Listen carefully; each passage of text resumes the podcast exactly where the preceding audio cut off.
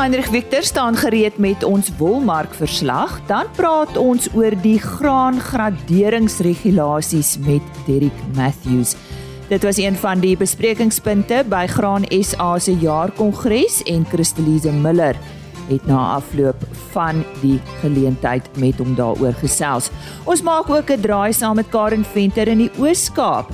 David Fletcher een van Agri Oos-Kaap se jong boer finaliste verlede jaar. Boer met Doenie Merinos, Angoras en beeste tussen Tarkastad en Bedford. Hulle het in 2016 na die plaas toe getrek met basies geen infrastruktuur nie en 'n plaashuis wat deur hoenders beset was. Hy moes vinnig met 'n prakties volhoubare plan vorendag kom en hy gesels met haar daaroor. Ja, dis vanoggend se program RSG Landbou. Dankie dat jy ingeskakel het en my naam is Lise Roberts. Eerste aan die woord soos altyd op 'n Dinsdag, Heinrich Victor met ons wolmark verslag. Ja, sê vir die hartlike goeiemôre en welkom by die OFK wolkantoor. Op die 24ste wolveiling wat op 15 Maart plaasgevind het, het die Cape Wools Merino aanwyser met 3.1% vir nie gesertifiseerde wol en met 3.8% vir gesertifiseerde wol swakker verhandel teenoor die vorige veiling. En teen 'n skoonprys van R166.50 per kilogram en R177.98 per kilogram onderskeidelik gesluit. Die Australiese EMI het ook met 2.3% swakker verhandel teenoor die vorige veiling.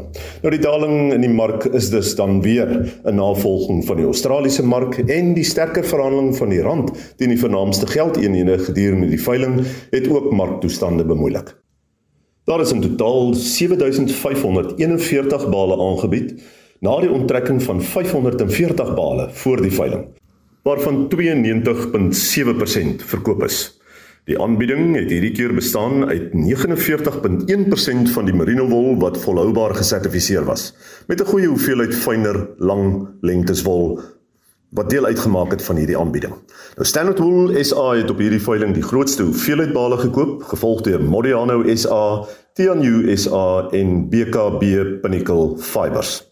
Dan kyk ons na die gemiddelde skoonwolpryse weer eens vir die seleksie binne die verskillende mikron kategorieë goeie lang kamwol of MF5 tipes.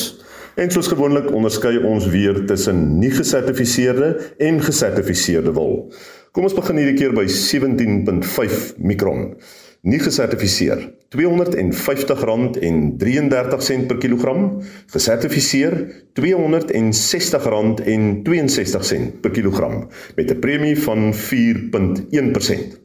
As ons kyk na 18 mikron sien ons nie gesertifiseerde wol het verkoop vir R220.60 per kilogram terwyl gesertifiseerde wol verkoop is vir R238.62 per kilogram en die premie daar was 8.2%. Dan kan ons ook vinnig loer na 18.5 mikron nie gesertifiseerde wol het verkoop vir R210 en 68 sent per kilogram terwyl gesertifiseerde wol verkoop het teen R227 en 73 sent per kilogram en die premie was 8.1%. Ja, dit is dan waarvoor ons tyd het hierdie week uit die OVK wolkantoor. Ons kan net vir u noem, die volgende wolveiling is geskeduleer vir 22 Maart waar daar sowat 8952 bale aangebied sal word. Ons vertrou dat een en elkeen van u, al ons produsente en die van u wat inluister, 'n heerlike week vorentoe sal hê. Tot 'n volgende keer, alles wat mooi is, mooi loop. En so sê Heinrich Victor van OVK. En nou gemaak ons 'n draai in die Oos-Kaap saam met ons medewerker in daardie provinsie en dit is Karen Venter. Vandag is ek hier in die Baviaansrivier Vallei en dit is naby aan die Winterberge as ek dit reg het. Ek kuier 'n bietjie hier op die plaas Upper Clifton Farm en ek moet nou my woorde mooi tel want dis Afrikaans en Engels te mekaar en ek gesels met David Fletcher wat hier boer. En ja, hulle is ook Doenie Merino produsente en hulle hoofinkomste is van stoorlammers. Hi everyone. Uh yeah, um just to give you guys a quick lowdown on the, on our farming setup this side. Uh we moved here in 2016 uh, about 7 years ago now and um yeah, we just wanted to move to a healthier um safer area just to um especially focus on our small stock. Um, we were the last small stock farmers to the coast at the time where we were, and um, stock theft was quite quite serious. David, waar het julle geboer? Um, we farmed uh, in the Lagilo Bolo area between Statram and uh, Kumchak. Hmm. Yeah, and um, yeah, we moved. When we moved, we we we hoped to focus more on our on our sheep side of, of farming, which we uh, managed to do. Um, when we sold up that side, we took every every cent that we had and uh, put it into developing this farm because we saw potential. Um, it was very run down uh, and had no irrigation at the time. Kan ek jou 'n rede val? Is dit waar dat hulle hoenders in hierdie pragtige huis van julle uh in elke kamer aangehou het? Yeah, so we the house we're actually living in now was turned into a chicken run and abattoir and every room had uh, the different stages of of age groups for the chickens and uh we've been fixing it over the last I'd say three and a half years now and actually living in the house. Yeah. Dit is 'n pragtige huis mense. Dit is nou 'n regte tipiese Karoo groot huis, hoë plafonne. Ehm um, is dit geelhout vloere. Dit lyk so dit is regtig 'n um, 'n baie statige woning.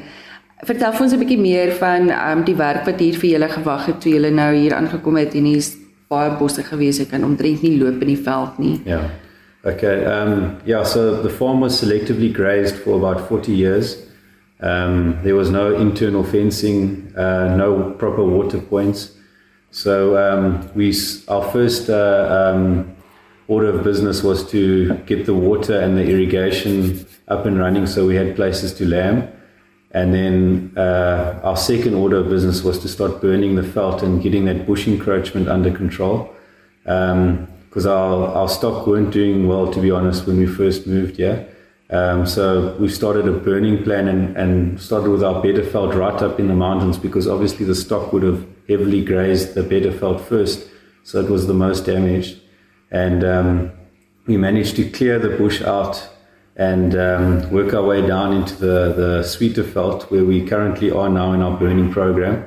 And it has made a huge improvement in our uh, production in our animals as well as our stock losses because um, you can see things a lot easier in the felt as well as um, water points that we've put in dams and, and solar pumps and water lines and yeah it's made a huge improvement and the the thing that made us so um, well attracted us to this area was the health healthiness of the animals um, yeah the, there's very few diseases up here compared to where we moved from and um, yeah, that's played a huge part in our in our increase in our numbers over the past few years, even even during the drought. So we smack bang in between Bedford and Targestad. I think Targestad might be two or three kilometers further, um, but yeah, uh, it's we actually like the um, being far away from town because we we're, lot, we're very scared of stock theft from where we moved from. So this uh, this has helped a lot, um, uh, keeping our nerves under control. Uh,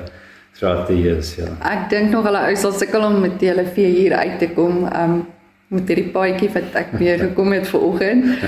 Um julle sinkroniseer julle skape. Hoe gaan julle te werk? So um with our sheep and and that production so we split our ewes up into four different uh color coded groups which lamb uh throughout the year. So our first group will lamb in March. Our second group will lamb in May. Our third group will lamb in September, and our fourth group will lamb in October. Each group is synchronized. Um, the, the amount of ewes in each group is determined by the, the time of the year and, and uh, obviously the abundance of grass, as well as the parasites in that. Um, we uh, synchronize all the ewes. We, if we have too many ewes for our rams, we AR um, the, the remainder of the ewes. And um, yeah, it seems to be working well for us for cash flow wise. Um, it keeps uh, the bank manager happy having a few group of lambs to sell every couple of months. Um, yeah, it also we haven't got very much uh, or very many hectares of lambing felt or flat country, so our lambing felt is very limited. So that that is actually the main reason we we did this. Uh, so it helps us focus. Um, to get as many store lambs off uh, as, as, possible. And by doing this, it's definitely improved our, our numbers um, in how many lambs that we're selling at the end of the day. Jy moet dalk ook vir ander produsente sê dit is nie 'n proses wat net eenvoudig gebeur oornag nie. Jy sê jy het baie foute gemaak in die begin. ja, ja, no we've uh, with farming, I know a lot of us can be stubborn and don't ask for advice, but uh, we, um, yeah, um, I've actually haven't. Um, I'm one of those people that ask as many questions as possible. But even with that, you still make a lot of mistakes. Uh, it's definitely uh, a learning curve. Um, I've actually started a, a, WhatsApp group for young farmers that we uh, all communicate with, um, uh, just to ask each other advice and and uh, and try and help each other along the way. Um, us farmers need to stick together in these times, and uh, it just helps us uh, a lot when we communicate with each other. And I think that's very important in these days. Ek is seker julle kan die leierskap eienskappe hoor in die man se stem. Um, ek het nagelaat om te sê dat uh, David ook een van die finaliste was verlede jaar in die Agri Ooskaap Toyota Jongboer van die jaar. Hy was die een van die drie finaliste. Ehm um, en ja, ek kan nogal verstaan ehm um, waarom hy gekies was om daar te wees. Ehm um, hierdie is 'n produsent met 'n plan, 'n boer wat 'n plan het. Is daar enige iets wat jy dalk vir 'n jonger boer daar buite wil sê wat so soos jy gaan na 'n plaas toe en dit is 'n groot uitdaging. Ja. En waar staan julle vandag en dink jy dit betaal om vas te byt? Ja. So for the young farmers out there at the moment um I know coming back to a farm there's a lot of things to to uh, learn and uh, a lot of challenges you guys are facing. Um it, it does get easier, but you do you never you do never stop le- learning along the way. Um, it's always there's always going to be challenges in that. But advice that I can give you, um, a lot of people look at their animals and livestock as as numbers. You know where um, you need to keep that. Uh, uh, part of or your love for animals alive and, and look at them as individuals. Um, every animal has its own personality, and uh, yeah, it's just um, something that you guys uh, need to need to think about when you when you come back farming. It just uh, it helps you be more passionate and uh, and uh, helps you work harder. I mean, it's a lifestyle, not a job, so it's uh, it's something that you guys can can look at forward in your in your farming setup. van dit gepraat jy het vir my gesê jy het ook 'n Hansie gehad. Uh vertel vir ons van die daai naam gehad en hoe oud was hy en wat het julle toe op die einde van die dag gedoen? Yeah, so we had a, um, a Hansi that we actually um, put with our weaned lambs, every group. So he just helped uh, calm them down. He was from our first batch of Hansis, probably in uh, 2010. We eventually had to put him down, I think, the beginning of last year. He had served, uh, served, served the purpose of the farm and uh, yeah, shame old. Uh, and his name was Legs as well. He had very long legs, so wasn't too creative on the name. But uh, yeah, uh, we've got a couple of other aunties that um, run around the farm that keep uh, keep the animals a lot tamer and stuff like that. Especially when we wean our lambs, it does help a lot just to relax them. But yeah, um, it's just uh, it's nice to nice to have. Uh, have those sheep around. We've actually got an Instagram account it's, I think it's called the Farming Fletchers. And uh, yeah, we just, uh, it's actually day to day life on the farm and how my new wife and I uh, are adjusting to life on the farm and uh, how we um, get along with uh, the housework and the yards and the farm work and uh, the different times of the year. And yeah, it's just something interesting to, to follow. My cell phone number is 079 771 3485. And then, by the way, um, Agri Eastern Cape, um, uh, specifically Gunter Pretorius, has started an Agri Eastern Cape Young Farmer Initiative. Mm. Um, it's just, um, I think it's 35 years and under. It's just uh, for young farmers to all get together and um, have a say as well in, in, in, the, in the industry. Their first uh, event is a golf day and the Bathurst Agricultural Show experience. Um, the, the date is Thursday, the 30th of March at the Royal Port Alfred Golf Club. It's like a golf day, and then we and then uh, um, we can all move to the Bathurst show afterwards. So I think if you're wanting more details, contact Gunter Pretorius or Agri Eastern Cape, and and get in contact with them.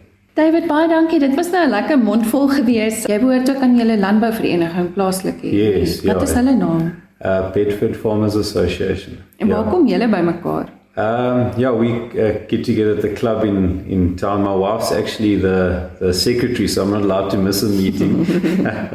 It's lekker dat julle dinge saam doen, nie? Yes, yeah, yeah. It's nice to that she gets involved in the farming community as well. It's very important, I think, uh, for uh, relationships that, uh, on the farms and that, that your wives and that get involved as well.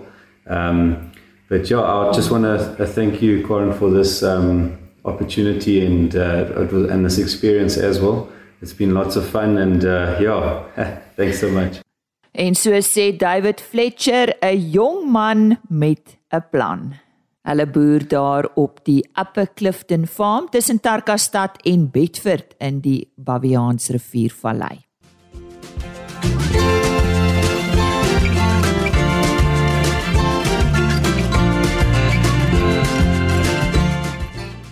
Graan SA se voorsitter Dirk Matthews werp lig op die nuutste verwikkelinge rondom mieliegraderingsregulasies.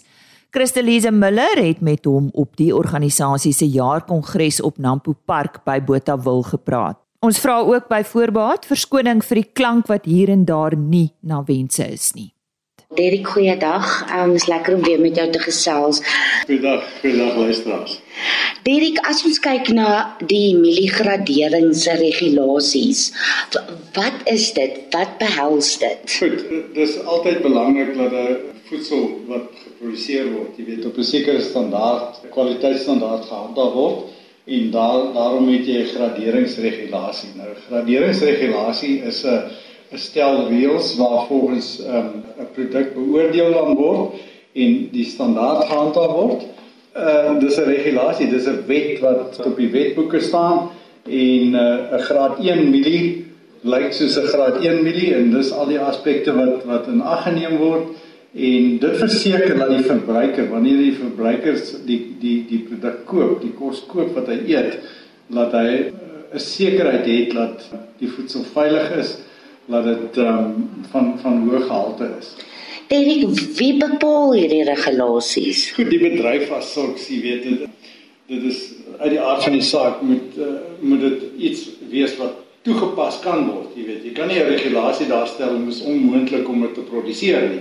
Dis 'n funksie wat binne die bedryf gebeur en al die kundigheid wat in die bedryf dan nou bymekaar kom en dan sê eerste graad milies moet so lyk, so lyk, so lyk, so lyk. Dis die faktore wat wat gemeet word, wat na, na gekyk word en uh, en dis die standaarde, dis die vlakke waarteen afwykings um, toegelaat word ensovoorts. So dis 'n bedryfsfunksie, dis absoluut um, word binne die bedryf gedoen, maar dis 'n regulasie, so dis 'n wet en dan het die regering 'n plig om wanneer daai wet gepubliseer is, dat die jy weet eerste graad milie lyk so dan het die regering 'n plig om seker te maak dat daai standaarde dan nou ehm um, laat hulle sekerheid het dat daai standaarde toegepas word. So daar's twee aspekte wat ter sprake is. Die die bedryf wou die regulasies wysig. Die die omstandigheid wat ontwikkel het, boere meer en meer ondervind dat daar onkonsekwentheid was met die toepassing van die regulasie. Met ander woorde, 'n boer sal met sy vrag mielies by by 'n silo aankom en die gradeerder sal hom gradeer en dan dan sê hy daar's daar's meer as 7% afwyking, so dis 'n graad 2. Dan aanvaar die boer dit nou nie, dan dan vat hy dieselfde vrag mielies, dan ry hy dit by 'n ander silo in, dan kry hy 'n eerste graad. Of andersom, of hy kry miskien 'n derde graad. So daar was onkonsekwente toepassing van die regulasies soos wat hy staan. Dit ons 'n oefening deurgegaan waar ons vir 4 jaar navorsing gedoen het en gaan kyk het wat is die graderingsfaktore, jy weet wat lei na die onkonsekwentheid. En ons het gekom by twee goed. Dis 'n waterbeskadigde put, met ander woorde 'n put wat wat uitermate gereën nadat hy hard geword het, uitermate gereën op hom gekry het en dan nou 'n gevlekte put wat ook as gevolg van reën daar's verskeie faktore wat die put kan vlek. Navorsing het ons gewys dat daai twee daai twee faktore, dis 'n gesonde swaar put en as jy hom as afwyking op die skaaltjie gooi, dan gooi baie vinnig jou jou graad na graad 2 toe. Navorsing het getoon dat die ja, wanneer die dopie afgehaal word, dan beteken daai vlek absoluut nie geen effek of minimaal geen noemenswaardige effek op die kwaliteit van die meel wat wat gemaal word. En dis waar ons toe by 'n punt gekom het waar waar die bedryf saam gesê het ons kan daai twee faktore uithaal uit die regulasie as uh, as afwykings wat vir die boer natuurlik die effek sou gehad het dat 'n groter persentasie van sy oes as eerste graad sou sou deurgaan en en nie tweede graad nie. Was julle suksesvol? Ons was tot op 'n punt. Die die hele bedryf het konsensus bereik en op grond van daai konsensus is die weigering is die aansoek vir die wysiging op die regulasie ingedien by die regering. Want dan moet dit gepubliseer word soos enige ander stuk wetgewing, moet dit gepubliseer word vir kommentaar en na die kommentaar dan dan word dit nou jy weet dan's daar geleentheid om nou weer um, veranderings te maak of aanpassings te maak en dan word dit op die boeke jy weet dan word dit toegepas as regulasie. So ons het konsensus as 'n bedryf gekry. En en ek sê dit doelbewus, die meelenaars ingesluit. Het konsensus gekry dat ons die wysiging gaan gaan gaan vir aansoek doen. So die wysiging is ingedien. Toe besef ons dat die wysiging nie betyds vir die bemarkingsseisoen ehm um, jy weet deur die wetgewingsproses sou kon gaan nie en dan is daar 'n tweede opsie waar jy kan aansoek weer eens as daar konsensus is as almal in die bedryf saamstem dis wat ons wil hê dan kan jy aansoek doen vir 'n dispensasie waar die die aanpassing solank toegepas word al is die wet nog nie gepubliseer nie die wet gaan nog steeds gepubliseer word hy gaan deur sy proses gaan en so ons het weer konsensus bereik en ons het aansoek gedoen by die regering vir om dispensasie Die regering het daai dispensasie toegestaan. Daai dispensasie is toe in die staatskoerant gepubliseer. Na publikasie van die dispensasie, toe spring die maalbedryf uit en hulle sê nee, maar hier's nou 'n groot probleem. En draai die hele appelkar op sy kop. Die meelenaars nou. Die meelenaars, die maalbedryf. Toe jy weet, toe toe toe begin ons nou weer argumenteer daaroor. Nou nou van die produsente se kant af uh, is ons van mening, wel nie van mening nie, is die werklikheid dat ons 4 jaar spandeer het. Ons het in 4 jaar se tyd navorsing gedoen wat fisies die bewyse op die tafel gesit het en dan nou konsensus gehad binne die hele bedryf waar almal om die tafel sit. Die die prosesse deur gegaan en na die tyd toe iemand wakker word wat wel in die vergaderings veronderstel was om te wees en hy besluit en en hy begin nou woorde soos mikotoksine en en en opberging en al daai tipe goed begin hy gebruik waar almal toe nou skrik en dan sê nee ons kan dit nie doen nie. Maar tot vandag toe is daar geen wetenskap wat die teendeel van al die 4 jaar se werk gedoen het uh, aangebied nie. Daar's niks wetenskap, daar's niks, dis net op op iets wat mense sê, op beweringe wat me, wat die melenaars maak dit maak ons opgewonde. Dit uh, jy weet opgewend. Dis dis ek dink nie dis die manier wat die bedryf moet moet werk nie, moet optree nie. Dit dit spreek van 'n huis wat nie in orde is nie. En wat nou? Wat Goed. Die regering het op die of die departement landbou het, het uh, 17de Januarie die laaste vergadering in die verband gehad en dit terugverwys na die bedryf toe dat die bedryf dit nou maar doen en en ehm um, die produsente die die mielieprodukte is nou nie net graan Suid-Afrika nie, maar die produsente in geheel in die land. Dit sluit dan nou Sagra ander produsente organisasies in het dan nou uh, weer eens die aansoek ingedien. Dit gaan nou noodsaak dat die regering dit dan nou wel publiseer en dan moet die die bedryf wat dit teestaan, die die lede in die bedryf wat dit teestaan, moet dan met navorsingsstukke kom. Hulle moet dan met met met die met die antwoorde kom. Hulle kan dit nie net op beweringe of op 'n stelling. 'n Wilde stelling kan hulle dit nie net ehm um, tot nie maak nie. Hulle sal moet kom met met teenbewyse teen die die die beplande. En natuurlik sal die produsente van hierdie land die eerstes wees om te sê as daar 'n voedselveiligheidskrisis sou wees of 'n of 'n of 'n 'n risiko sou wees, dan gaan ons nie eers dink daaraan nie. Watter produsent gaan ooit dink dat hy onveilige kos kan produseer en en ek meen dis net ondenkbaar. So kan die proses lank neem. Ja, dit gaan lank neem. Nie kan nie, dit gaan lank neem. En net suiwer ten koste van die produsent. En die regering se rol ten opsigte van hierdie regulasies. So so daar kom ons by die tweede aspek. Ons het gepraat by die kongres van liefdienste en so aan. Die regering onder die voedselveiligheidswetgewing het 'n plig om seker te maak dat die standaarde gehandhaaf word. En die regering het goed gedink om 'n buiteparty in diens te neem om die goed na te gaan. So, ehm um, dis dis dan nou by name liefdienste. Die aanvanklike bedeling wat be, bedoel is wat van of wat voorgestel is deur liefdienste was uh, vir vir ons totaal onaanvaarbaar. Daar sou 'n 400 ton heffing wees, die produsente sou dit betaal en dan sou die diens klaar blyklik gebeur. Ons ons is van die standpunt dat moenie moenie elke ton hef vir iets wat jy nie gaan doen nie. Die bedryf gradeer in elk geval elke ton.